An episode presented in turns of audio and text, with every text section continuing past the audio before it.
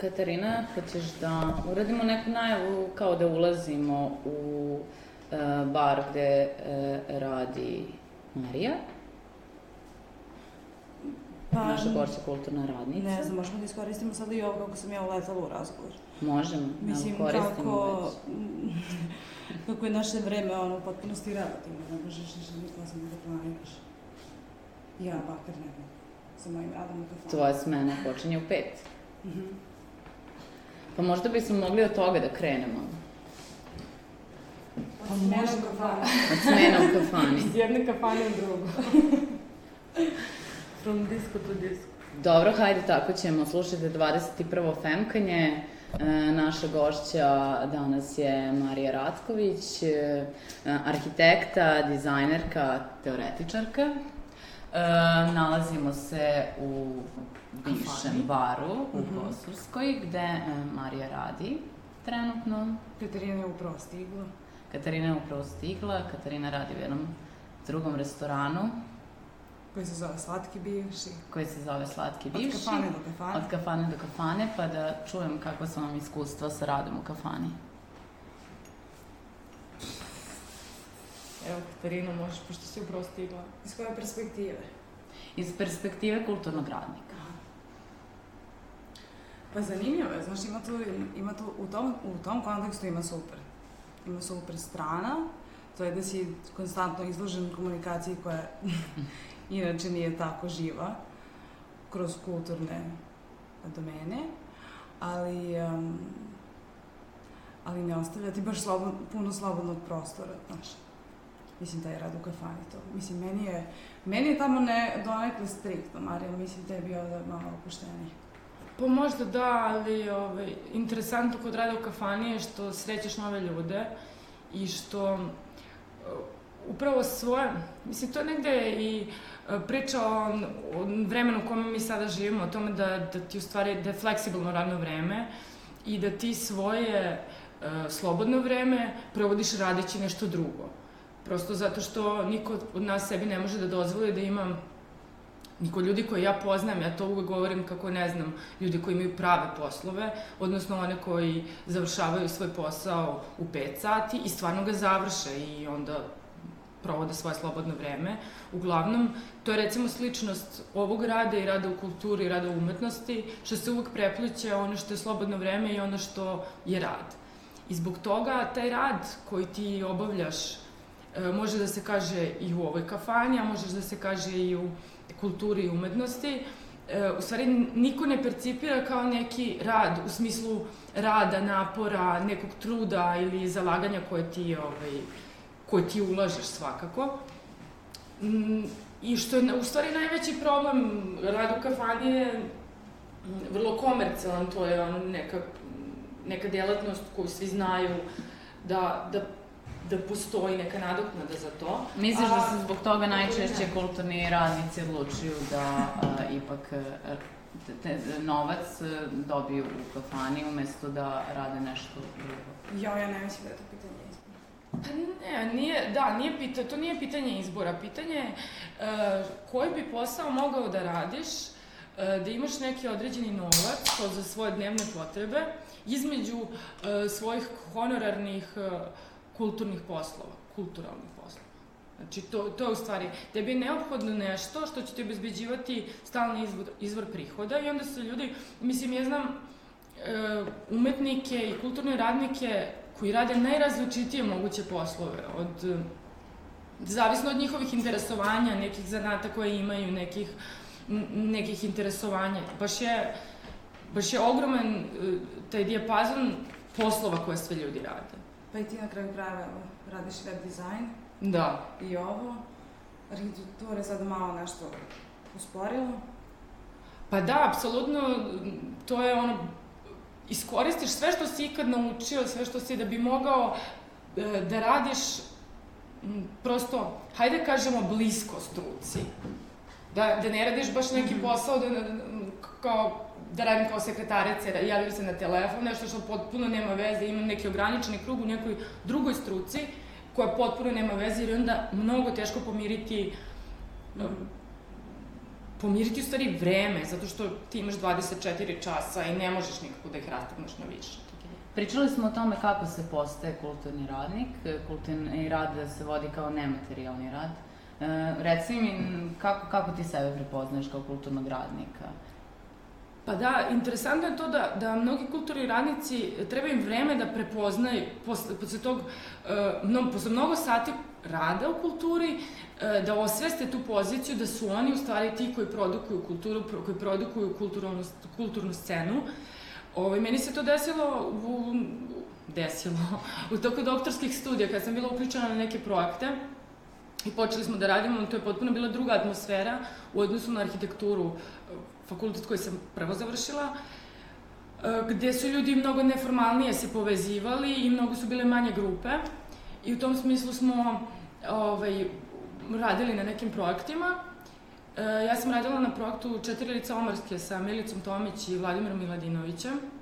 I tu je bilo još 5-6 učetnik, učesnika. I posle možda godinu dana ja sam odlučila da napustim svoj posao u agenciji, posao koje sam radila 8 sati, ono, 9 do 5, i da se posvetim full time radu u kulturi i umetnosti. I tek onda shvatiš šta je pozicija uh, umetnika danas i šta je pozicija kulturnog radnika, jer uh, prosto ostaješ na ostaješ na ivici, ne, nemaš više stabilan izvor prihoda i onda uh, čak i tvoj, da bi snalaziš se za novac tako što radiš honorarne poslove i onda time tvoj, tvoje vreme trpi, a samim tim i um, samim tim i ono koliko možeš da uložiš u taj projekat na kome radiš. I zbog toga mislim da je jako bitno um, da se, da se nekako taj rad u kulturi i umetnosti vidi, da ljudi shvate, da ti ljudi svakodnevno rade nešto, da produkuju nešto, ne, neko, neko znanje, ukoliko to nije materijalni, uh, neki materijalni produkt, jer je to uvek lako svima da razumeju uh, kako nastaje slika, kad, kad imaš neki, recimo, konkretan proizvod,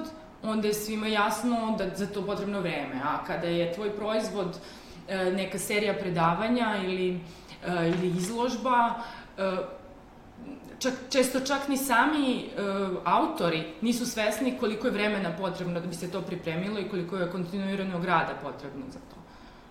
Uh, ono što sam htjela da te pitam vezano je za projekat na kojem radiš, kultura sećanja, komparativne istorije.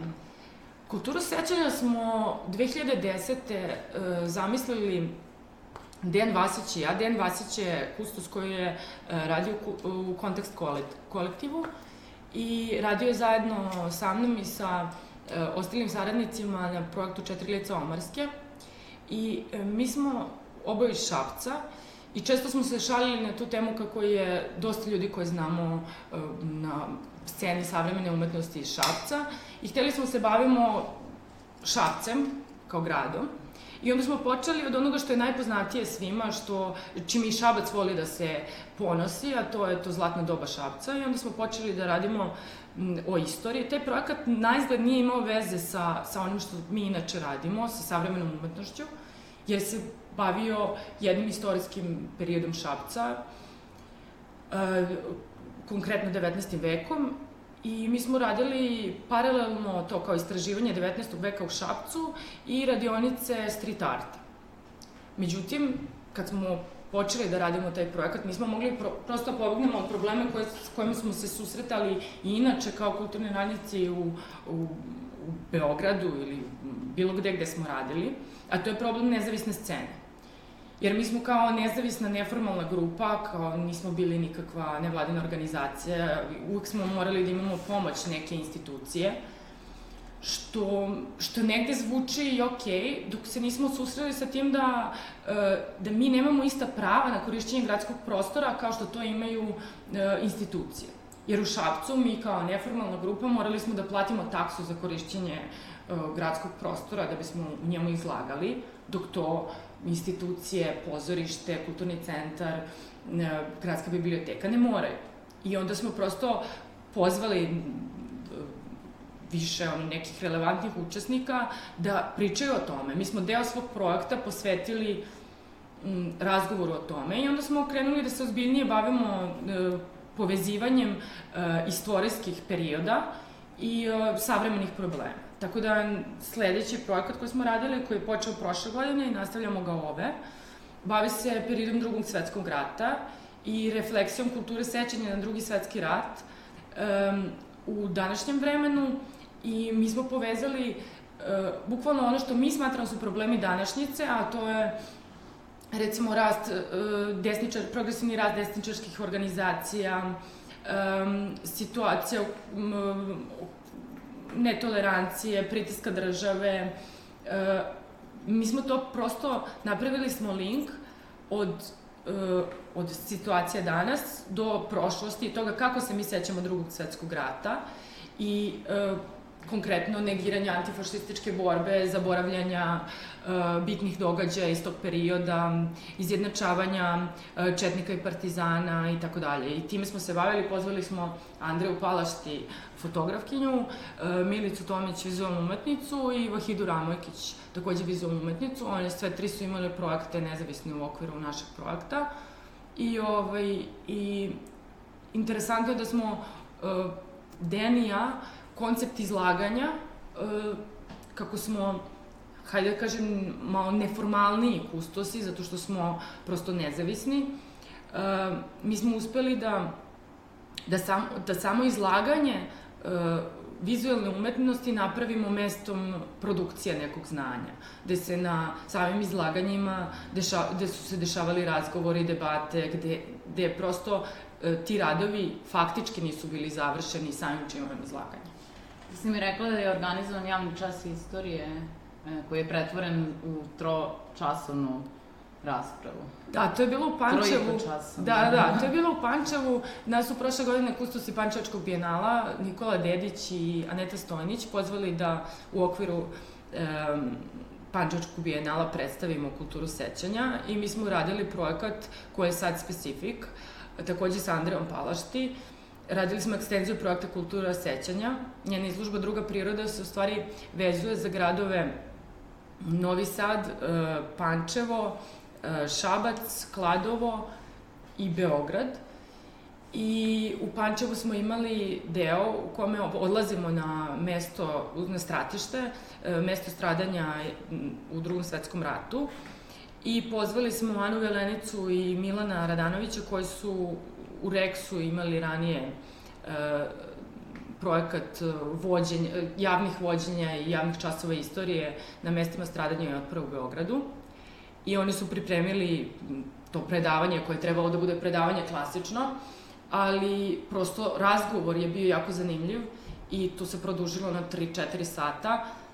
I interesantno je to da, da naš koncept kulture sećanja u stvari e, trpi tu e, trpi tu, kako bih rekla, e, improvizaciju na, na samom, na, na terenu, jer e, mi ne preda, mi nismo neki, neka vrsta škole koja predaje neku zvaničnu istoriju, nego koja izlaže određene verzije istorije, koje su u direktnom sukobu sa, istorije, odnosno sećanja, koje su u direktnom sukobu sa nekim drugim uh, kulturalnim sećanjima i onda na licu mesta te lične istorije se prepliču sa tim zvaničnim I jako interesantno zato što e, svako ima neko individualno sećanje koje nekad može da bude u e, kako kažem, u skladu sa onim što je dopuštena dominantna verzija nekog događaja, a nekad je u potpunoj suprotnosti. I onda je interesantno kako znanje, znanje nastaje iz toga, jer se na licu mesta sustiču te različite verzije. Što da. u principu nikad nije, e, nikad nije slučaj e, u klasičnoj nastavi istorije ili u ovaj, ili prosto svaka knjiga ima određenu svoju verziju. Da se vratimo na taj proizvod, da li e, onda vidite kulturu sećanja kao, da li vidite neki finalni proizvod koji će biti predstavljen na određeni način ili je proizvod sam proces? Pa proizvod je znanje koje je posledica tog procesa. Nama je proces jako bitan, ali to znanje je uvek... Uh, mi, mi nemamo taj stav da mi prenosimo znanje, nego i mi sami učimo um, u toku tog rada, uh, dok razgovaramo. Mi uvek imamo taj neki istraživački deo gde istražujemo svemu o, o određenom, kako bih rekla, istorijskom događaju, o nečemu što se desilo iz prošlosti, E, mi onda prvo pokušavamo da se sami upoznamo sa tim, pa onda u, to, u to telo znanja ulaze i naša lična sećanja, naše priče, ono što smo mi slušali. I na taj način dolazi do, do, do do tog kleša svega onoga, mi razgrađujemo time neke stvari koje su nama mnogo bliže, kao recimo ono što smo slušali u porodici ili od nekih rođaka ili Mi smo takođe radili sa, sa učenicima Šabačke gimnazije, Vahida Ramojkić je imala e, deo svog projekta Istorija u raspravi, gde se istorije bukvalno raspravljaju, gde mi imamo iz različitih e, knjiga, učbenika istorije, od 50. godina do danas, iste događaje različito tretirane.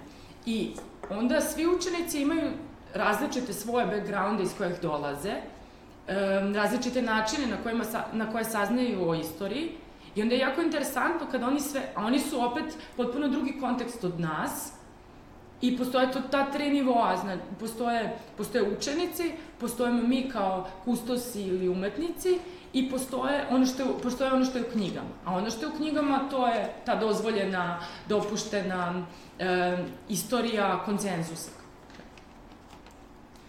pričala si mi o komparativnoj istoriji, to bi trebalo da bude... Da, komparativna nastava istorije je nešto što je, što je deo našeg projekta e, sada. To je projekat koji je pokrenula e, Dubrovka Stojanović. Ona je zajedno sa radnom grupom e, radila na projektu zajedničkih istorija Balkana i uopšte koncept komparativne nastave istorije da se, ora, da se da se uključe te različite verzije, da ne postoji više jedna dominantna, bar jedna dominantna verzija u učbenicima. I ovaj, taj projekat, ja nisam sigurna kako se to na kraju završilo, ali to je, mislim, ideja tog projekta je nastala od uh, ujednačavanja učbenika istorije posle drugog svetskog rata na teritoriji Evrope. I to je pokušano pokušali su to da sprovedu ovaj, na teritoriji Balkana i nisam sigurna kako je to završeno, ali mislim nije rezultir, rezultirala nekim učbenicima, ali koji nisu još uvek zvanični učbenici na Balkanu. Ali mi smo hteli prosto da napravimo neku vrstu radionice i da razgovaramo o tim modalitetima prosto uvođenja komparativne nastave istorije u škole. Jer recimo, eh, ono što smo mi saznali, što prosto nismo znali jer se ne bavimo istorijom, istorijom kao naukom, e, da e, postoje preporuke od ministarstva da se istorija e, savremena od 90-ih u školama predaje u formi rasprave. Znači, već postoji ta ideja da se, da se živo raspravlja o tome, pošto prosto ne postoji istorijska distanca, odnosno nisu se dogovorili politički oko verzije istorije.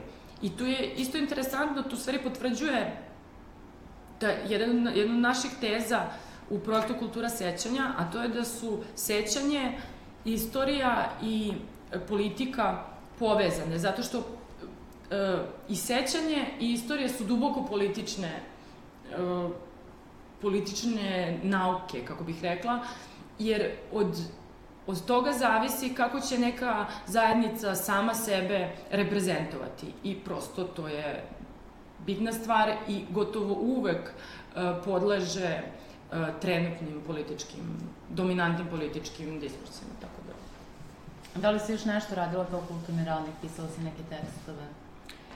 Pa da, radila sam, ja sam dosta radila sa umetnicima, e, to nije klasični kustovski posao, to je, e, ja sam se trudila, pošto ja nisam kustos po profesiji, mislim, ja nisam školovana, ja sam to, ja nisam školovana kao istoričar umetnosti, i ovaj, ja sam kustoskom poslu pristupila kao teoretičar, najviše u tom kritičkom osvrtu na, na neka dela, ali sam to nekako, nekako mi je bilo nepošteno i nekako sam uvijek sažaljevala, nekako sam uvijek bila na strani umetnika. U stvari, u smislu da, da želim da im pomognem pre, dok sam rad stvaraju, da želim sa, zajedno sa njima da radim, da podelim neko znanje koje ja možda imam, um, pre nego da uh, pišem kritike u smislu uh, kada oni već završe rad, pa onda da ja kao neko um, hajde da kažem, u tom sistemu umetnosti, hijerarhijski, da, da sama sebi dajem neku hijerarhijski više po, višu poziciju u odnosu na umetnika.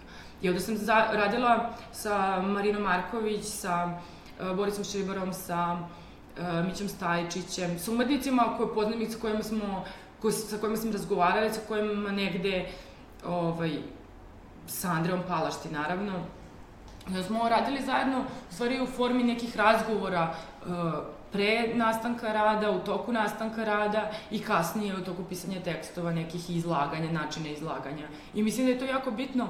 Mi smo na taj način do, doneli neku novu, novu praksu i koju nadam se da će neki drugi ljudi ovaj, nastaviti. Ovaj, sećam se prošle godine na BFM-u, baš Milica Tomić pomenula kako je, kako je to u stvari fantastično, da umetnici nisu ostavljeni sami sebi, nego da radimo zajedno, da ispravljamo tekstove, da, da, da, da zajedno radimo na, na njihovim radovima kako bi oni bili što e, komunikativniji prema publici. Znači, da, da oni ne bi bili hermetični, da ne bi... Jer to je problem takođe umetničke publike, kome se, kome se umetnik obraća, kao, kako, će, kako će to biti shvaćeno, da li je problem savremene umetnosti uopšte. Mislim, ko su njeni recipijenti, da li je to strukovno zatvorena, kako bih rekla, oblast koja nikoga ne zanima, ko niko ne razume, da li se mi obraćamo kao stvaravci jedni drugima ili hoćemo da izađemo iz tog kruga autonomije umetnosti. To su pitanja koje mene interesuju u teoretskom radu i ko, ko, na kojima ja radim. I do kojih zaključaka si došla do sada u tom svom istraživanju vezano za poziciju umetnika, kulturnog radnika u savremenom svetu? Pa najznačajniji, najznačajniji zaključak je da, pro, da pozicija umetnika nije različita od pozicije bilo kog drugog radnika. To je recimo i kod onog protesta kulturnih radnika, meni je to najbitnije da se, da se nekako naglasi. E, umetnici i kulturni radnici trebaju sami da se bore za to da njihov rad bude vidljiv. Ali i da, i da sami nekako reflektuju svoju poziciju kao radnika, kao nekoga da, ko zaista radi, ko produkuje nešto, nešto što je značajno, nešto što e, troši njihove sate i nešto što košta određen, na određeni način.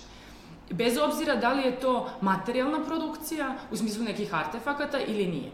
I u tom smislu smatram da je jako bitno da ostvariti saradnju i solidarnost umetnika i kulturnih radnika sa drugim vrstama radnika. I na taj način se razbija ta autonomija i elitizam e, koji, koji je kulturi i umetnosti u stvari naneo još neka još neka 19-vekovna e, postavka u kojoj je kultura bila rezervisana samo za neko slobodno vreme, za, za vreme dokolice i to isključivo viših društvenih slojeva. I mislim da je to ključno razbiti u 21. veku. Jer sada, je, sada su, kako bih rekla, sredstva za proizvodnju, odnosno e, mediji umetnički kao i kulturni su e, mnogo e, dostupniji svima i od toga ne treba bežati. Ne treba bežati od, od razbijanja ekskluzivnosti umetnosti u tom smislu ali takođe e, treba umetnost sačuvati od toga od bavljenja umetnošću i kulturom u slobodno vreme. To nije ničiji hobi i to mora da se razgraniči. To je neko, to je posao koji zahteva ozbiljan angaž, angažman da bi, bila, da bi to neka, bila neka ozbiljna umetnost. Ja sam odavno kao kustus raskrstila sa time da ne želim da se bavim nečim intimnim impresijama nekog umetnika koji smatra da je umetnik samo time što je završio akademiju. A prosto nema šta da kaže ili ono što on hoće da kaže e, nije relevantno za neki širi krug ljudi. To je prosto neka vrsta onda nekog bavljenja hobijem, neko terapeutsko bavljenje umetnošću, što takođe postoji, ali kao prosto to nije ono što je umetnost. Šta da nas treba da sadrži umetničko delo, po mišljenju da je bilo umetničko delo? Pa ja mislim da umetničko delo danas mora da bude duboko mm, e, kontekstualizovano, pre svega. Mislim da, da prosto, zato što kontekst u kome umetnik stvara uvek je, e, uvek ga na neki način određuje. To znači da umetnici danas, kod nas, ne mogu da se bave, treba da prosto shvate da ne mogu da se bave umetnošću koja zahteva visoku produkciju, koliko oni to prosto ne mogu da, ne mogu da isprate. A razlozi zbog čega umetnici ne mogu da isprate su, e, ni, to nije njihova krivica, to nije zato što oni um, nisu sposobni da nađu finansijera ili ostalo. To je znači situacija u kojoj svi mi zajedno živimo i onda prosto sve sve to e, društvo se, društvo i stanje u kome živimo se reflektuje na umetnika kao na nekog čoveka koji živi tada i tu i na neki način određuje njegovu praksu. I od toga ne treba bežati, nego to treba na neki način kroz rad reflektovati. Ne smatram da svaka umetnost treba da bude društveno angažovana, ali svaka umetnost mora da bude društveno kontekstualizovana. Jer, kao što znamo iz istorije umetnosti, kad se, kad se proučava istorija umetnosti, e, uvek su bitni istorijski događaji i društvena dešavanja određivali na neki način umetnička dela koja su nastajala. Samim tim mi možemo da shvatimo kada vidimo neko delo, da prosto dedukujemo kada je ono nastalo, pod kojim uslovima, šta su tada bile bitna, bit, bitne politike, koje su bila koji su bili mediji tada zastupljeni. I prosto u tom smislu mislim da je to bitno i danas. Pričala si sa Milicom Tomić o tome šta je potrebno da, da bi bio umetnik, da bi samo to radio uh, i da tu mora da postoji određeno radno vreme koje ti imaš i da se posvetiš tome kao poslu. Da, Milica Tomić je pričala o tome kako izgleda biti freelancer u vremenu kad, kad sam ja kad sam ja ostala bez posla i ra, odlučila da se bavim umetnošću i teorijom kao svojim osnovnim zanimanjem.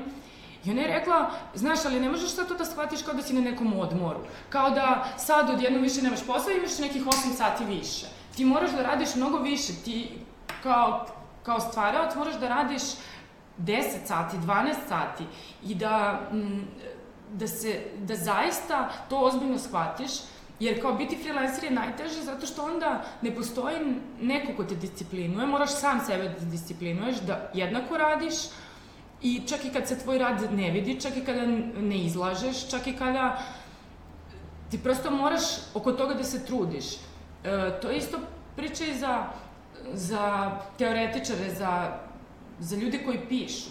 Oni prosto moraju da pišu kontinuirano, e, ne da čekaju da ih neko pozove, da, oni moraju da, e, da apliciraju, da šalju tekstove, da, im, da, da se suoče sa tim odbijanjem, da se suoče sa svojom pozicijom, sa svojom nejednakom pozicijom, sa time da je mnogo lakše nekome ko radi m, i očekuje platu i, i kad tu platu dobije, prosto može da raspolaže, ti ne možeš na to da računaš. I, ovaj, I to nije neka neoliberalna priča u kojoj e, smatram da svi e, treba da rade tako slobodno i jednostavno da izađu na tržište, pa da onda tržište odredi koliko oni vrede. Ne, nego prosto to je neka lična odgovornost prema radu i da kada se susretneš sa tim, sa tim ograničenjima, sa tim da ti kao sam ne možeš, da moraš da se udružiš sa nekim, da, pra, da se prave neke zadruge ljudi koji su u istoj, u istoj situaciji, da, da se aktiviraju oko toga da se neke stvari u društvu promene. Jer društvo tebe ne prepoznaje, društvo tebe gura u neke ustaljene u neke ustaljene oblike organizacije društvo umetnika ili kustosa zamišlja, umetnika zamišlja kao nekog slobodnog umetnika koji ima svog agenta, a kustosa zamišlja kao nekog stalno zaposlenog u nekom muzeju, institutu i tako dalje. Da bismo mi mogli da radimo nezavisno, mi moramo da smislimo oblik organ, organizovanja da to radimo zaista. Ako ne postoji, izmisliš ga i onda se trudiš da to na neki način uđe u zakonske okvire, Jer sa druge strane takođe postoji ta priča o tome da te država, da te društvo putem svojih regulativa tera da, da, ne, da negde obitavaš u nekoj sivoj zoni. time što su ogromni porezi na, na autorske honorare, time što... Ali ako se ne pobune ti ljudi koji su primaoci autorskih honorara, nego odluče da se ipak zaposle u nekom, ne znam, u prodavnici, u kafani ili bilo gde, to je onda problem.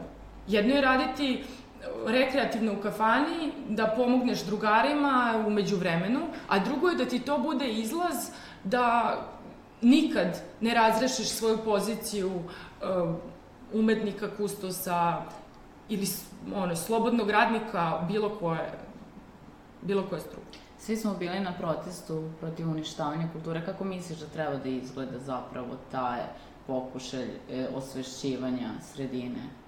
Da li je protest pravi način da se to radi? Pa ja sam, ja sam nekako razmišljala o tome ponovo i, i nekako možda ne protest, e, ja sam ja sam imala tu ideju koja je možda malo radikalna, a to je štrajk umetnika. Štrajk tih svih e, umetnika i kulturnih radnika koji svojim neplaćenim i nevidljivim radom održavaju ovu scenu Šta bi se desilo, to je neka, neka moja, u stvari, fantazija o tome šta bi se desilo kad bi svi oni prestali da rade, kad bi svi pri, pripravnici u muzejima prestali da rade svoje poslove koje rade 8 sati, kad bi svi, kad jednostavno, kad bismo objavili kraj kulture i umetnosti, šta bi se desilo? Možda, ja sam razmišljala o tome, možda to treba tako nekako radikalno da prekinemo, da bi onda ljudi videli da li fali kultura i umetnost u društvu. Da li prosto, ili bi neke zamene, neke neoliberalne zamene kulture i umetnosti, neke, neke izložbe koje to za, zapravo nisu, neki festivali, nešto, da li bi, da li bi to onda zamenilo, da li bi to...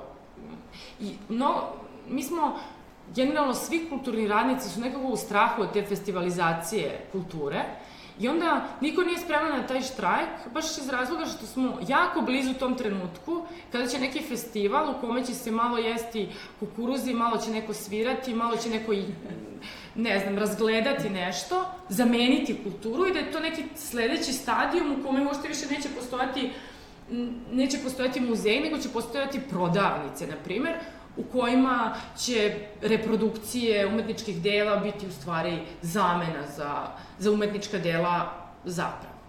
Jer to je stvar koju sam ja radila u arhitekturi. Moj master rad se e, bavio modom, potrošnjom, arhitekturom i umetnošću I ja sam radila to istraživanje o tome da najveće, da to u stvari najgora stvar e, razvijenog kapitalizma u kome mi živimo da, e, recimo, moma u Njujorku zarađuje više po metru kvadratnom nego um, Walmart, na primer. Zato što umetnost je do te mere komercijalna. Mislim, nije kod nas, ali umetnost na svetskom nivou jeste vrlo komercijalna i, kako se zove, te prodavnice koje su dograđene u velikoj rekonstrukciji Mome, kada je, one, kada je taj muzik bio praktično pred bankrotom, su otvorilo je vrat jednom potpuno novom svetu u kome je prodaja šolja, postera, ne znam, naočara, nadmašila i finansira u stvari na neki način postojanje Muzeja moderne umetnosti koji bi možda bio ukinut. Ali dobro, nalazi primjer iz Amerike da je to sve tako vrlo komercijalno, tamo ljudi inače kupuju puno stvari koje im ne trebaju u životu, pa je dobar marketing bio sve što je bilo potrebno. Ali, um, ali ne mislim da je tako, na primjer, u Evropi. Nisam sigurna da se, um, ne znam, um, Nacionalni muzej u Beču finansira svojom prodavnicom ili... Ne sigurno u toj, ne sigurno u toj meri, ali uh, zato što u Evropi ti imaš i dalje uh, tu mi smo svi jako ponosni i jako vezani za e, elitističku tradiciju kulture. To je, e, to je nešto što ćeš čuti, taj neki kulturelitizam koji, koji ponekad prelazi u kulturfašizam, je neko opšte mesto koje ti čuješ u najnormalnijim kulturnim emisijama RTS-a, gde je to u pozitivnom nekom kontekstu. Pa mislim da to do, donekle štiti uh, kako se zove, ekskluzivnost umetnosti i kulture od tržišta. Ali logičan sled tržišni je taj. Mislim, to je ra, finansiranje, različite vrste finansiranja, do finansiranja institucija kulture, zatvaranje institucija kulture koje su neprofitabilne i tako dalje. Mislim, mi u Beogradu još uvek maštamo o nekoj, o nekoj operi koja je izgrađena pre rata, nije izgrađena ni posle rata, a ja se pitam danas da li je nama potrebna opera. I da li je na, nama taj model elitističke kulture uopšte potreban. Mislim, to je... Šta ti vidiš da bi bilo idealno? Pa za mene bi bilo idealno kada bi se obrnula, kada bi se obrnula situacija i kada bi se sve male i neformalne grupe e, koje čine nezavisnu scenu, ljudi koji rade, koji rade praktično bez ičega, a, a prosto prave taj kulturni diverzitet koji postoji kod nas, kada bi e, se kada bi se obrnulo i kada bi oni bili u stvari glavni nosioci kulture, oni koje država finansira, a to ne bi bili e, to ne bi bile institucije koje su se dokazale kao kao prosto e, nesposobne da produkuju kulturu koju konzumira koju konzumira narod. Znači, oni su na neki način, mi se sad nalazimo u situaciji u kojoj je e, ta e, visoka kultura prosto toliko daleko od naroda da, da, da prosto ne poznajem ljude, sem one koji se time bave, da odlaze u pozorište, bioskop i tako dalje. Ovaj, I mislim da to možda nije nužno loše. Mislim da su možda, da, da su neki drugi modeli organizovanja možda bolji. Možda nije loše da pozorište, bioskop i opere nestanu, a da, da se recimo e, nastavlja e, to neformalno kulturno obrazovanje ili umetničko obrazovanje kroz to da se mi ovde okupljamo, da organizujemo e, koncerte eksperimentalne muzike, Mi smo prinuđeni na to zato što nemamo gde, zato što su nama te institucije zatvorene. Zato što su mladima koji stvaraju i koji žele da ostanu u ovoj zemlji i koji rade i koji nisu tu samo za 6000 eura, nego kao rade bez sredstava, oni produkuju ne, neku umetnost i neku kulturu. I oni održavaju scenu. I oni održavaju scenu. To je scena koju ja pripadam i koju ja poštujem i koju ja prosto, za koju navijam. I mislim da ona treba da se razvija. Time što će se neki način pružiti neka vrsta um, da kažemo, osnove, infrastrukture, da oni nastave da rade i da budu još bolje. Mislim, to, kao neke nezavisne produkcije filmova, um, projekcije, bukvalno ceo način um, stvaranja umetnosti je postao drugačiji u, u trenutku kad nemaš ono što je osnovno ranije bilo, a to je kao financije. Filmovi izgledaju drugačije, muzika izgleda drugačije, vizualna umetnost izgleda drugačije kada nemaš taj način finansiranja. Mm, da li si možda upućena u stanje nezavisne scene u Hrvatskoj? Pa mi smo sarađivali sa, sa nekim određenim grupama u Hrvatskoj, ali nisam, nisam to istraživala kao, znam, ljudi sa kojima sam sarađivala. Znam blokice, uh, ove iz an, mlade antifašistkinje koje organizuju neku školu filma. I tako, mislim, imali smo neke određene nezavisne kustoskinje, delove, sa njima smo radili. One su fenomenalne i to su, to su ljudi koji isto to rade u Hrvatskoj što mi pokušavamo ovde, jer su naše zemlje to kao zemlje u tranziciji, ta tranzicija je vrlo bolna i za njih isto nema mesta u, u institucijama. Oni vode, oni vode bitke sa svojim univerzitetima, sa... Mislim, te priče, mislim, to ljudima postane dosadno i, i svi nekako prozivaju tu NGO-izaciju. A to je recimo neki, ne, neka vrsta hajde da kažemo, najmekše organizacije u kojoj te država gura da bi imao pristup nekoj vrsti finansiranja, I onda svi organizuju neke radionice, neka, neka predavanja. Ali ono što je zajedničko za sve te stvari je da su to low budget varijante, da su to stvari koje ti možeš da organizuješ sa svojih pet prijatelja, saradnika. Ti ne možeš, mi smo to se šalili ranije na fakultetu, na, na doktorskim studijama da nas deset, kad završimo doktorske studije, možemo da ostavimo neki institut. I zašto bi mi tražili da se neki institut zaposli, kad mi možemo deset doktora nauka iz različitih oblasti, prosto može to. Ali, kad smo mi proučili malo, čisto onako, ne znam, sporta radi, kako se institut osniva, i koje su to zakonske regulative koje nas faktički nemogućavaju da to uradimo. I onda prosto mi nismo u istoj poziciji kao neki ljudi koji, koji pripadaju institucijama, koji su deo institucija i to je to. I onda mi moramo da se borimo, na nama je da, da, da to promenimo. I onda protest bi trebalo, znači, fan tih mojih fantazija o tome da protest bude štrajk, o neki sveukupni, e, taj prekid rada, protest bi trebalo stvari da se, da se kreće u smeru e, istraživanja tih zakonskih regulativa, poznavanje situacije u kojoj se mi nalazimo, znači izlaska iz svog uh, ateljeja, izlaska iz svog studija, izlaska iz uh, svoje sobe tog, to, to nek umrežavanja i ovaj, pokušaja nek, neke intervencije u recimo zakonsku regulativu koja te ometa, u institucionalnu scenu. Recimo, fenomenalan, po, kako se zove, potez u tom smeru je bio kada su u nekom momentu dozvolili da deo, da predstavnici nezavisne scene, koja je dobila neki svoj, hajde da kažemo, najblaže moguće nacrt i kao neki okvir, neki ljudi su tu ušli, neki nisu, e, prosto kad su dobili svoje predstavnike e, na konkursu za finansiranje od strane Ministarstva, Ministarstva kulture. Kad je neko rekao, ok, vi tu postojite, kad neko je time priznao da nezavisna scena postoji. I da, da, da, da je neko nešto pita, a pogotovo da, da je bitno i da se pita u odlučivanju o tome kuda ide novac.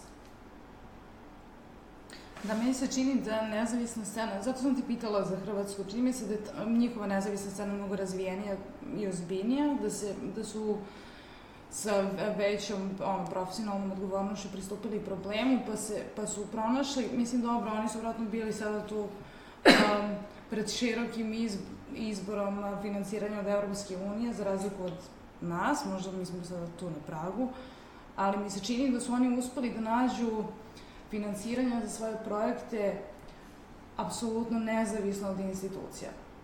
A s druge strane, mi se čini da u Hrvatskoj postoji taj jedna druga bitna razlika, to je da su njihove institucije nekako se trude da budu u korak sa nezavisnom scenom. Pa time one čine, indirektno čine uslugu nezavisnoj sceni time što promovišu mlade po njihovom izboru, sada sve jedno je, ali su prisutne širom auditorijum, to jest prisutne su kao narodne državne institucije i onda nezavisna scena ima nekako malo otvorenija vrata da deluje na društvenom nivou. Pa znaš šta, to je mač sa dve oštrice, zato što e, što ti je država otvorenija prema nečemu, to ti je pokazatelj da je to nešto komercijalnije, odnosno da država može da uklopi taj svoj imaginarijum kako treba da izgleda. Mi imamo tu nesreću e, e zato što je naša država u nekom smislu tradicionalno orijentisana kao mm, kao država u smislu nekih tradicionalnih vrednosti, pa ti imaš finansiranje nekih kulturno-umetničkih društava, pa održavanja tradicije, to, u tom smislu. U tom smislu, da, ali to je pitanje ukusa. Mislim, to je ono, Hrvatska sebe vidi možda kao e, savremenu državu, pa u tom smislu kao savremena umetnost e, je, hajde da kažemo, u milosti. Ali to što si rekla vezano za jako je bitno biti nezavistan od države, ali sa druge strane, kada ti u državi živiš, I kada u državi se lečiš, školuješ i sve ostalo, bitno je da te ta država prizna, prosto da bi ti bio građanin istog reda kao i oni koji rade nešto. U tom smislu je to bitno, a ne sad, e, država čak, pogotovo u tranzicionim i neoliberalnim društvima, nije ta zlatna koka koju ti možeš da eksploatišeš. Ona prosto nema dovoljno novca.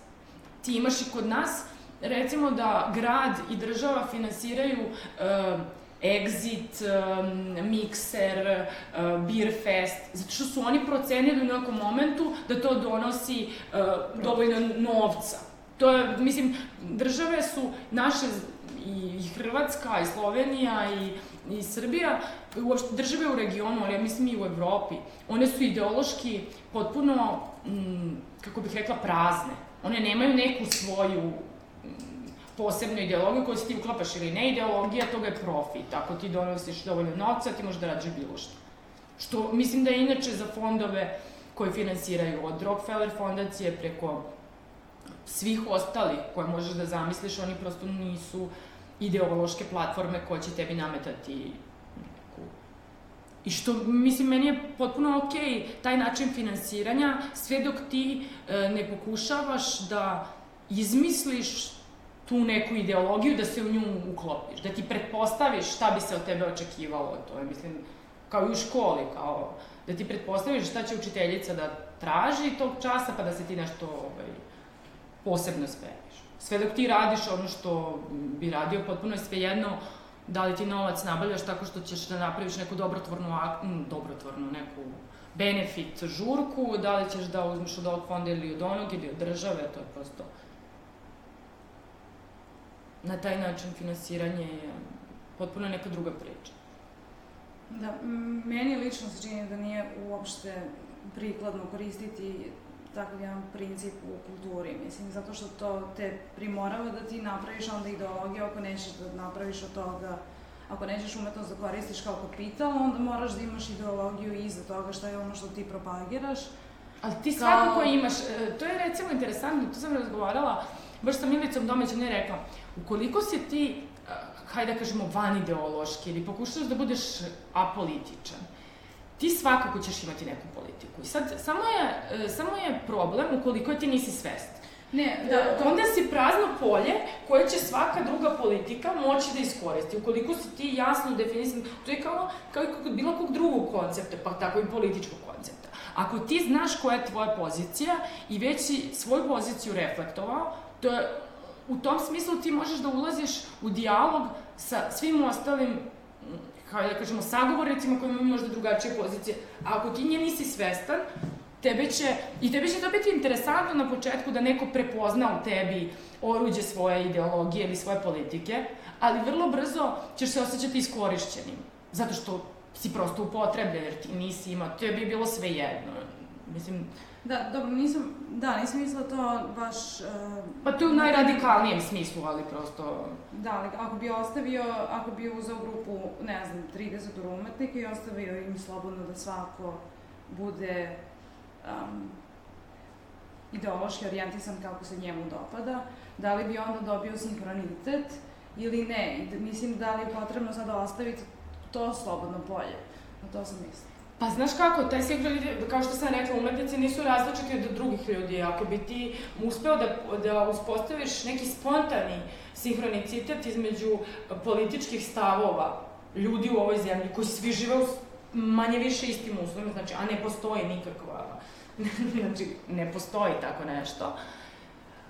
Ako bi uspeo, to znači da je prosto, da kao, da je to moguće, ali ni, nije, uvek će ljudi različito razmišljati. Oni koji su konzervativni uvek će razmišljati um, konzervativno, oni koji su liberali uvek će razmišljati tako, oni koji su socijalisti razmišljati kao socijalisti. Mislim, to je prosto, to, to možeš da recimo vidiš u, u nastavi, u praksi, u, u ovoj, kako se zove, uh, kad uh, grupa studenta radi nešto, način na koji pristupa, način na koji pristupa recimo projektovanju muzeja, Jedni misle da u muzej treba da dolaze samo ovi ljudi, jedni misle da, jedni misle da muzej treba da bude otvoren za sve. Znaš, kao, to su razlike koje ljudima postoje, e, nekako oni ih napipavaju, to su neke intuitivne, e, intuitivni stavovi, ali iza toga u principu stoje politike.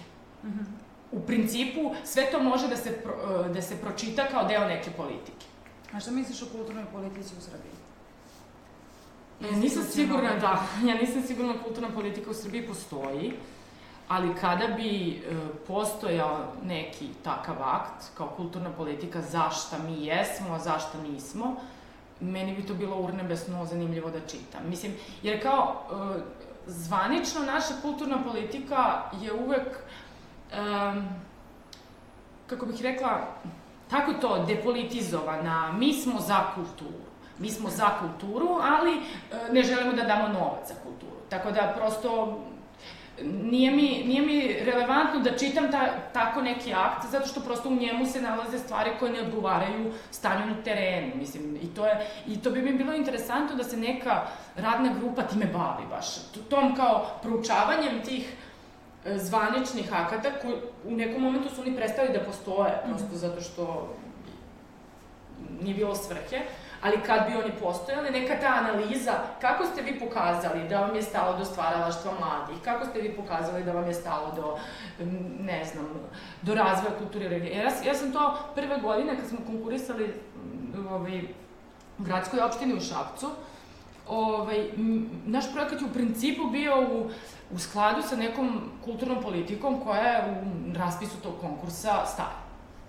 A rezultati konkursa su bili potpuno u suprotnosti sa sobstvenom politikom. I onda sam, mene to mi je mrzelo, da sam u nekom momentu, to je baš bilo na Facebooku, ovaj, bilo u fazonu kako, kako to tačno recimo, kulturi jednog grada doprinosi finansiranje pčelarskog udruženja. Mislim, ne kažem da ne doprinosi, ali prosto ja želim da, da, da mi se obrazloži od nadležnih institucija kako tačno vaš, vaša raspodela budžeta doprinosi vašim ciljevima koje ste vi zacrtali kroz kulturnu politiku. I mislim da je ta, ta vrsta analize potrebna da, da nekako da se uskladi. Apsolutno. Da sam mislila da te pitam da, da li si možda bila u toku sa uh, ili prisustovala onoj konferenciji u Kulturnom centru Beograda baš u vreme kada je završen, kad su objavljeni rezultati konkursa za finansiranje Ministarstva kulture, onda kada se saznalo da Oktobarski salon nije dobio ništa, pa su sazvali konferenciju i to je bio i vada i zamenik e, ministra, gde je on e, indirektno zapravo rekao da se stat, da status slobodnog umetnika, to je da slobodni umetnici u Srbiji ne rade ništa. E, pa to je interesantna stvar, e, nisam bila na tom, kako se zove, razgovoru, zato što prosto da, mislim, u nekom momentu sam prestala da odlazim na te razgovore koji se svedu na kraju na neke rasprave i na neku, na neko izno, na kraju, nažalost, na, to iznoženje neko ličnih iskustava i um, govor ne o nekim uh, odlukama i politikama, nego na um, o konkretnim uh, nefinansiranim uh, projektima ili zašto, zašto je on dobio, ja nisam, i u, u tom smislu ovaj, neke dnevno-političke agende, ali interesantno je to, baš, baš bukvalno da se vratimo na onaj početak razgovora u kojem sam rekla da, da je izuzetno bitno pod jedan samo samo prepoznavanje i to da te prepozna sredina, da, da ministar kulture koji je nadležan za oblast koju se, kojom se ti baviš, tebe uvaži, da ti prosto ne moraš da, da glumiš da si umetnik, nego da ti budeš umetnik. Ti znači ne moraš da sad, ako tebi to nije potrebno i ti se baviš recimo elektronskom um, umetnošću, znači elektronskom muzikom, videom ili, i tebi nije potreban uh, atelje, ti u stvari treba da se uh, maskiraš u nekog umetnika, da iznemiš negde atelje u nekom kvartu, gradu gde umetnici znamljuju atelje i da se praviš da si ti umetnik i da tu kao na taj način radiš, da se uživljavaš u neku sliku kakav te ministar ima i da tvoje potrebe u stvari kreira iz, imaginarna slika umetnika. A ti u stvari najviše voliš da sediš kod kuće i da radiš uh, svoju umetnost u svojoj spavaćoj sobi, na primer. Ali kao u tom smislu ti nikad ne bi ni izlagao, niti bi postojao gde, niti, jer prosto to niko ne zna. A što je kao... To je za mene najveći problem, to ta uh, nevidljivost umetnika. Da umetnici budu poznati svom krugu prijatelja, da budu poznati da, da ih neko kao prihvata, a kako se zove da, da prosto cela, cela sredina ima utisak da se oni nešto zezaju, da oni nešto se igraju, da, da, da kao ne, neka ta ludistička teorija o tome da oni kroz igru pa sad kao nešto rade, saznaju što je potpuno ono, besmisleno. Ako pogledamo ono poslednjih, ne 30, nego poslednjih 70 godina umetnosti. Onda mi moramo da se zapitamo u kom periodu i na koji period referira naša država kroz svoje, naše društvo, kroz državu, kroz e, ministarstva, kroz zakone, kroz ministre. Sad, da li je jedan ministar, znaš, mi treba da, da razmišljamo o tome, da se nadamo da ministar lično, ta osoba koja dođe na to mesto, da on lično voli pozorište ili da voli film ili da voli savremenu umetnost, da bi u tom trenutku savremeni umetnici ili e, filmađije ili e, pozorišni radnici mogli da, da ovaj, Čak ni to nije. da se razvijaju. Pa da, čak ni to nije, mislim, ali... I mislim, mi onda imamo, to, to najčešće u razgovorima spomenjam, što mi imamo e, grupu mladih ljudi, to, to mlad umetnik pogotovo, to mlad umetnik se rasteže do 50 godina, dok iz mladog umetnika ti direktno ideš do nacionalne penzije. I, ovaj, I onda ti imaš tu mlad, grupu mladih umetnika, u stvari nisu mladi, nego umetnici u svojim 30. godinama, koji stvaraju, koji čine kor naše, naše kulturne umetničke scene, kako god. I ti onda imaš njih koji od svojih nagrada i međunarodnih priznanja i žive u stvari. I plaćaju kiriju i kupuju mleko i sve ostalo. I to je za mene najporaznija stvar što su to ljudi iz, mo, iz mog okruženja. Koje je nekad neko negde priznao, time što im je dao neku nagradu, a to njihov e, njihov način života nije promenilo u smislu da, da oni e, mogu da odvoje svoje vreme i da prekinu sa svojim honorarnim poslovima, sa svojim nekim povremenim poslovima i da se bave time. Da budu još bolji, da, ne znam, da nastave nešto dalje. Um, ja mislim da možda treba da otvorimo tarot za budućnost umetnika i kulturnih radnika u Srbiji. Da će nam on možda dati naj, najbolji mogući zaključak. pa to bi bilo potpuno u skladu, to bi bilo potpuno u skladu odlučivanja u, kako se zove, recimo u ministarstvima ili u... Dovedemo narodna institucija. Da, da, pa mislim da se oni nekako tako slično ove, odlučuju. Hajde, Marko, da li si spreman? Ne, ko će da... Ko, ko seče? Ko onda seče seče, za da. kulturnu scenu? Pa ja bih to prepustila Mariji, pošto je gošća. Hvala, to je, to je čast. Ja ću, ja ću pridržati. Okay. Sad sam malo iznenadila. Ja, Katarina, e, kako, kako ti napreduješ tvoje stvaralaštvo? Da li si uspela da nabaviš stafela i... Zapravo jesam. Moja koleginica sa fakulteta ne želi da više da koristi njen, pa mi ga prodaje u pola cene. Koliko košta štafele? Um, štafelaji su doduše poprilično skupi. Imala sam još jednu koleginicu koja mi je ponudila njen za 200 eura, a recimo u nekim radnjama ovde po Beogradu možeš da nađeš za 15.000 dinara, 9.000 dinara. Mislim, to je poprilično skupo ako uzmeš u obzir da naši slobodni umetnici ne rade ništa, prema tome nemaju nikakvu zaradu. Katarina, da li ako su štafelaji tako skupi, da li možemo govoriti onda o povratku slikarstva? ja mislim da je to... Velikom povratku slikarstva u Srbiji. Dajte ljudi, slikajte nešto, radite nešto. Radite nešto, samo bavite se nekom umetnošću. Da, snimate neke izmišljene radove. Baš smo Katarina i ja pričale o tome kako, ja mislim, 90% ljudi u Srbiji nije otišlo dalje od Pikasa i tu su stali. I onda, kada te pitaju o savremenoj umetnosti, onda te pitaju šta taj Picasso, šta on to, ja to ne razumem. Ja, interesantno kako Kristijan Golubović jednom rekao da je njegovo slikarstvo nešto između Pikasa i Dalija. Njegovo slikarstvo. E, da, njegov, njegova umetnost. Iako ja recimo, e, ja na to mislim kad mislim umetnost u terapeutske svrhe, -hmm. ovaj, ali e, to recimo čak i Kristijan Golubović ovaj, Dosta je crpeo i ima dosta radova.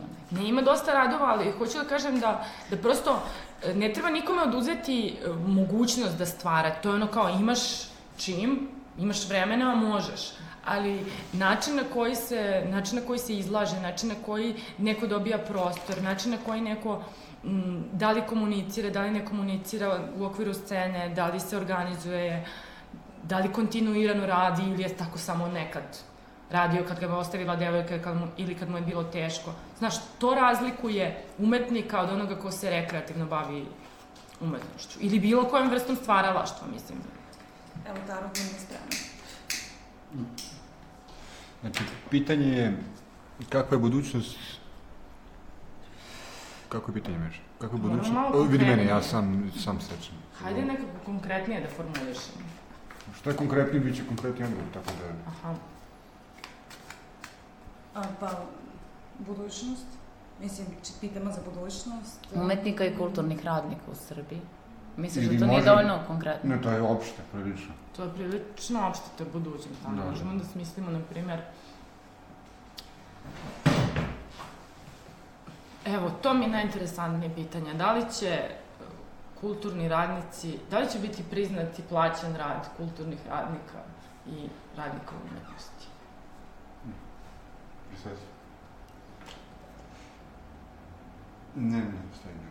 Još jedno. Ne, ne, ne, tu, ne. Tu još jedno.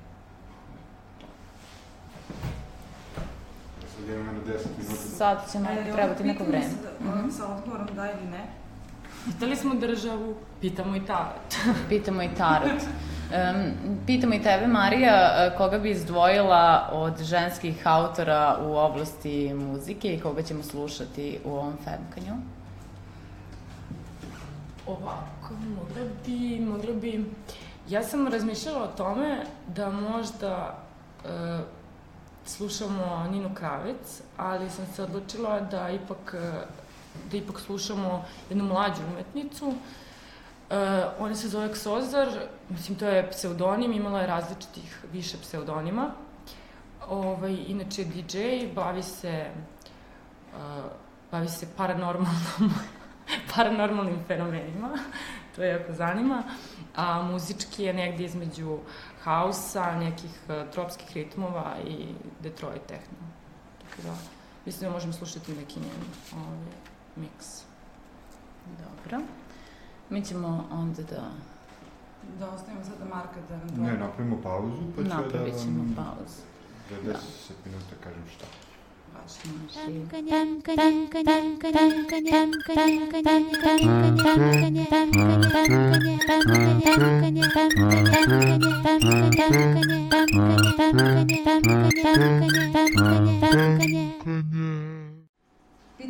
šta ti misliš koja je uh, pozicija slikarstva u savremenoj umetnosti i onda smo raspravile sada da jedan od mojih argumenta je bio to da, ti si rekla da je to povratak slikarstva na svaki dve, tri godine, a onda sam ja rekla da je povratak samo zato što se uklapa u kapitalistički sistem proizvodnje gde je slika artefakt i produkt koji ti prodaješ ima cenu. A ti si rekla da je, a, u kom smislu si još mislila na povratak slikarstva pored toga? Pa ne, ja nikad se ne bih, to hoću da kažem, nikad se ne bih vraćala, na, na, ne bih ozbiljno shvatila taj povratak u smislu to tržišno je interesantno ove godine slikarstvo, jedne godine vajarstvo. I u tom smislu ja smatram da povratak slikarstva treba se, slikarstvo treba se vrati i da je ono već tu prisutno kao jedan deo savremene umetnosti, kao jedan od medija. E, izražavanje umetnici već odavno ne treba da budu e, ukotvljeni u jedan medij, ukoliko ih to na neki način ograničava. Ali tu imamo sad problem kako slikarstvo mora da prihvati, da, mm, mora da postoji unutar uh, koncepta i da opet i ono kao bilo koji drugi rad bude Kao kontekstualizam. i bilo koji drugi rad mora da ima koncept i mora da... To je isto ta priča o slikaru koji dok rasteže platno, on već ima koncept. To je koncept. Mm, Koncept je zašto je on toga dana počeo da slika tu sliku. Mora da postoji razlog. A to slikanje radi fetiša ili radi njegovog unutrašnjeg nemira koje on doživljava e, kod kuće kad je sam, to, to za mene prosto nisu e, dovoljni razlozi ni za bavljanje umetnošću, niti su uopšte bitni za razmatranje to na radiju ili u svetu umetnosti. A to onda u, u, to, u, tvo, u tvojoj perspektivi sužava krug um, prihvaćenih slikarskih dela. A u stvari to više nisu ni slikarska dela, to su umetnički radovi koji su izloženi, izvedeni kroz taj medijum. To onda na kraju ne mora da bude ni... Da, ne mora. Ja sam bila na jednoj, uvek pominjem tu, mm, tu izložbu, ona je bila u Mumoku 2008. godine, koja se zove Loše slikarstvo, dobra umetnost. Videla. Ta um, to je fenomenalan, taj koncept, to je recimo konceptualna umetnost. Neko je, Kustos je izabrao slike koje pripadaju tom nekom korpusu, hajde da kažemo, um, lošeg slikarstva u klasičnom smislu reči, gde ti imaš od abstraktnih slikara, Franciska Pikabije, do, ne, ne znam, iz različitih perioda, ali i njih objedinio koncept te izložbe, da je zajedničko za sve njih, da su imali neki jako bitan koncept koji su tim medijem iskazali. I to je u stvari priča o slikarstvu. Iz moje, iz moje perspektive. A klasično slikarstvo se ono dobar deo u, um, u savremenoj umetnosti. A ne znam u kom smislu... svojim tradicionalnim vrednostima. Pa u, smi, u tom smislu, kad, kad tako kažeš klasično slikarstvo, ja to nekako zamišljam kao, kao neka lepa umetnost. I meni e, čak i taj pojam lepe umetnosti, onoga kako je, uh, ne znam, neki lajk zamislio kako umetnost treba da izgleda, I to isto ne treba da bude ograničavajuće u smislu diskriminatorno za, za samo izlaganje. Za mene je jedini razlog koji nekoga može da, da hajde da kažemo, e, eliminiše iz ne, nekog javnog života ili e, izlaganja i prisustva na sceni, to da on nema šta da kaže da, da slika radi slikanja, da fotografiše radi fotografije i smatra da su neozbiljne medijski o, o, ograničene izložbe u smislu izložba samo grafike, izložba samo uh, fotografije. Da, jer često se iza toga krije nesposobnost, u stvari nerazmišljanje kustosa. Pa onda kaže šta je zajedničko, no, to je bukvalno to, kad ne razmišljaš, da kažeš šta je zajedničko svim ovim radovima, zajedničko im je što su tog formata, zajedničko im je što su, uh, mislim da te izložbe ne mogu da se porede, tog tipa izložbe, to su neke smotre, kako bih rekla, ne, čak ni... A mi se čini da nekako tvoj stav sada oslikava umetnost koja je e, direktno društveno um, referentna, pa onda prema tome na drugom nivou se nalaze e, umetnici koji stvaraju intimističke radove, kao njihov doživljaj sveta van konteksta društva, naravno podrazumeva se da su oni u kontekstu društva, da, da ti u stvari možeš da čitaš ono što bi ti sad navala kao teoriju nekog rada, da to možeš da čitaš unutar rada i jednog individualnog doživljaja. Pa da, mislim, to je moje, to je moje recimo, e, tumačenje umetnosti, moje, moj rad na umetnosti, ali E, u de, u, kod svakog dobrog umetnika nema veze da li je on sad nešto, kako bih rekla, to intimistički, da li ima neku mikropoetiku ili nema, da li je, e, da li je introvertan ili ne. Kod svakog dobrog umetnika je to vrlo čitljivo i vrlo, e, i, i ti umetnici su vrlo referentni. Znači, ne, ne mora umetnik da se trudi da bude društveno referent, on već jeste samim tim što živi negde na nekom mestu. On je... U stvari, nije, nije, odgovor se ne pronalazi onda u delu, nego svaki umetnik treba da osvesti svoju društvenu poziciju. U tom smislu je cela ova priča o o borbi za... Da, da osvesti koliko njegova društvena pozicija utiče na njegov rad, prvo i pre svega, i koliko je to nešto što se ne može sakriti. Loša umetnost je ona što, ona koja pokušava da, e, da to sakrije, da to negira. To je, recimo, kao kad bi u Srbiji neko pokušavao da stvara i stvarao kao da stvara u Tokiju. Da, to je ono što si pričala o visokoprodukcijskim radovima. Da, ti ne možeš prosto to, ti tebi potreban vanredan trud, a i kad načiniš taj trud, ta umetnost će biti besmislena zato što je ona pokušaj nekog eskapizma. U tom smislu mi je umetnost koja ne, za koju ne može da se uspostavi ko, ovaj, mm, kontekst, prosto nečitljiva i nije mi bliska.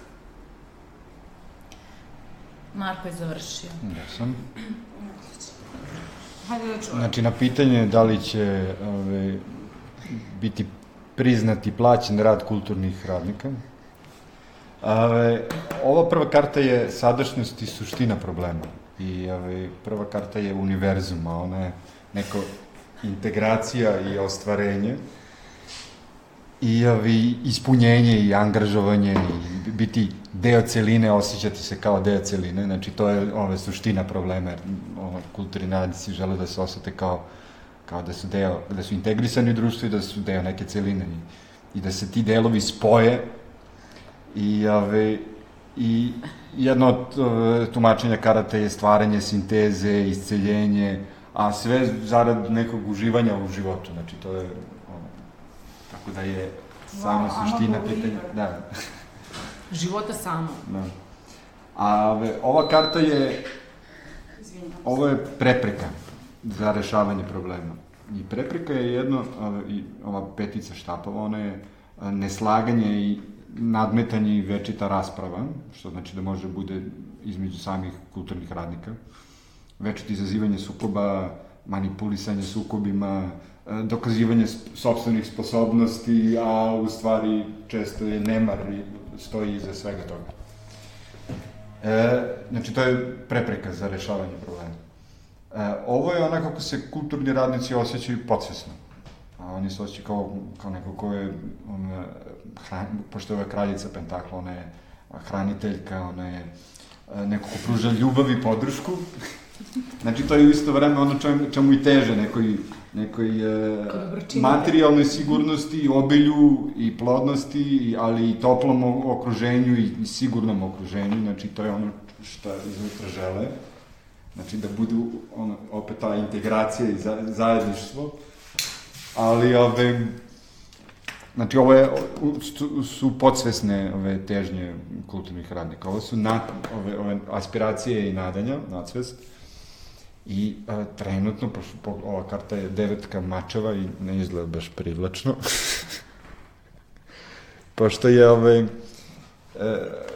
tumačenje ove karte da, e, da kulturni radnici ipak najviše se brinu i osjećaju krivice u muku neku veliku, očaj, turobno, stra, uplašeni su, ali opet taj strah je nešto kao vodič prema zrelosti. Znači, strah kao vodič prema zrelosti, ali zbog to, svog tog očajavanja i te krivice i muke koje, koje, koje nas okruženi, znaju da budu, da, znaju da budu očajni, ali mogu da budu i okrutni.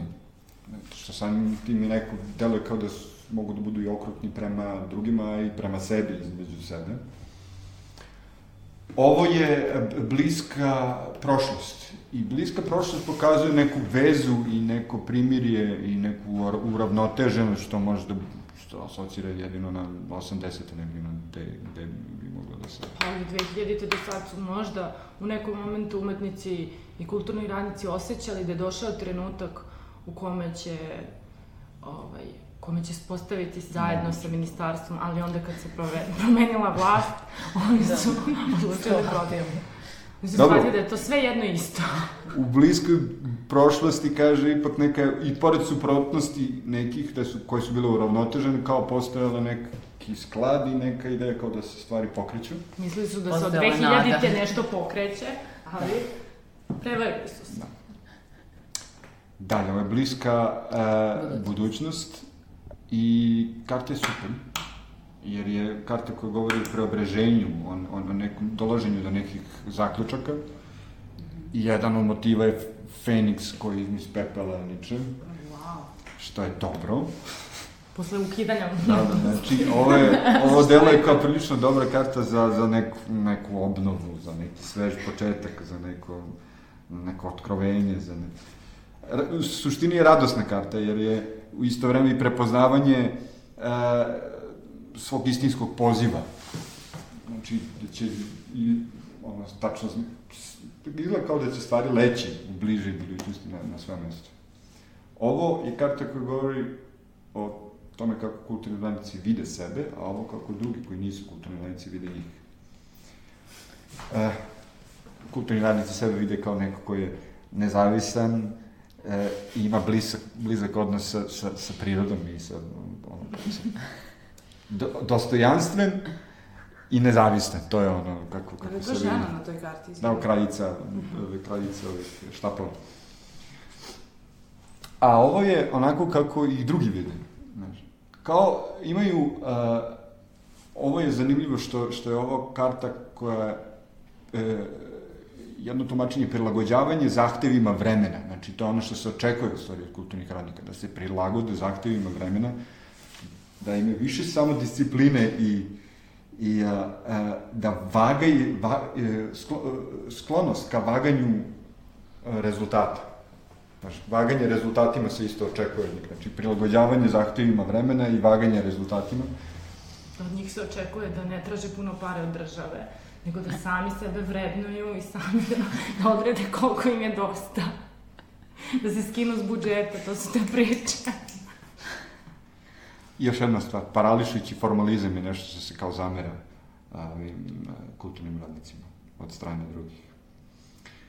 A ovo gore je dalja budućnost. I a, opet je a, super je odnosima, zato što govori o jednoj e, uravnoteženju potreba većine, velike većine. Mnogih, ne, može, ne mora velike većine, ali uravnotežena potreba mnogih ljudi. Neko, neko, neko, neko smirenje napete situacije. E, I pored svega toga e, prihvatanje ograničenja drugih Znači, da tu dolazi opet do nekog, nekog diplomatske, neke diplomatije, diplomatske smirenosti, primirja i tepeljivosti, pošto je ovaj kralj je takav, nekako tepeljiv. Znači, to mi govori da će, ove, da će kulturni radnici naći neki mir. Ali tek u okviru svih ostalih radnika, zar ne? Ovo je Tarot Savet. A zvezda je tako da, ove, da, da nadahnjuća jedna karta. Tarot nas podržava. Da, Tarot podržava, kaže da je budućnost puna poverenja, da, ima, da im, kulturni radnici treba da imaju poverenje u budućnost, pošto dolazi nadahnuće i, i, i ima nade i to je sad jedan velik, period velikodušnosti koji sledi. Šta je onda Tarot Savet? Tarot Savet je da se ne gubi nada. Zato što... ja mi... Ono je preopšto je pitanje, ja mi... Mislim da sam baš juče čitala članak Radiša, da je Radiš Erbeđi je rekao da još ne, nije. Bogdan Diklić je rekao da još uvek gaji NATO. To je bilo jedna od um, vesti na naslov, na naslovnoj strani politike. Može ovo da bude karta isto da, da, da, da kulturalnici pokažu velikodušnost Mm -hmm. Što bi bila velikodušnost kulturnih radnika. Za velikodušno rade u kulturi. Nastave da rade. Da ne gube nadu i nastave da rade. nastave da rade Kako mi je ovaj tarot malo kontrarevolucionaran to. Mislim da ovim treba da završimo ovo 21. femkanje. Samo nam, naša gošća je bila Marija Ratković arhitekta, dizajnerka, kulturna radnica, teoretičarka. E, ponovi samo još jednom šta ćemo slušati. Slušat ćemo elektronsku muziku, slušat ćemo Shiru Rahman, koja nastupa kao DJ Ksosar trenutno, neki njen miks od prošle godine, na primjer. Slušali ste Femkne. Marija, hvala ti. Mm -hmm, hvala što ste nas slušali. Ćao, čao. Ćao. Ćao.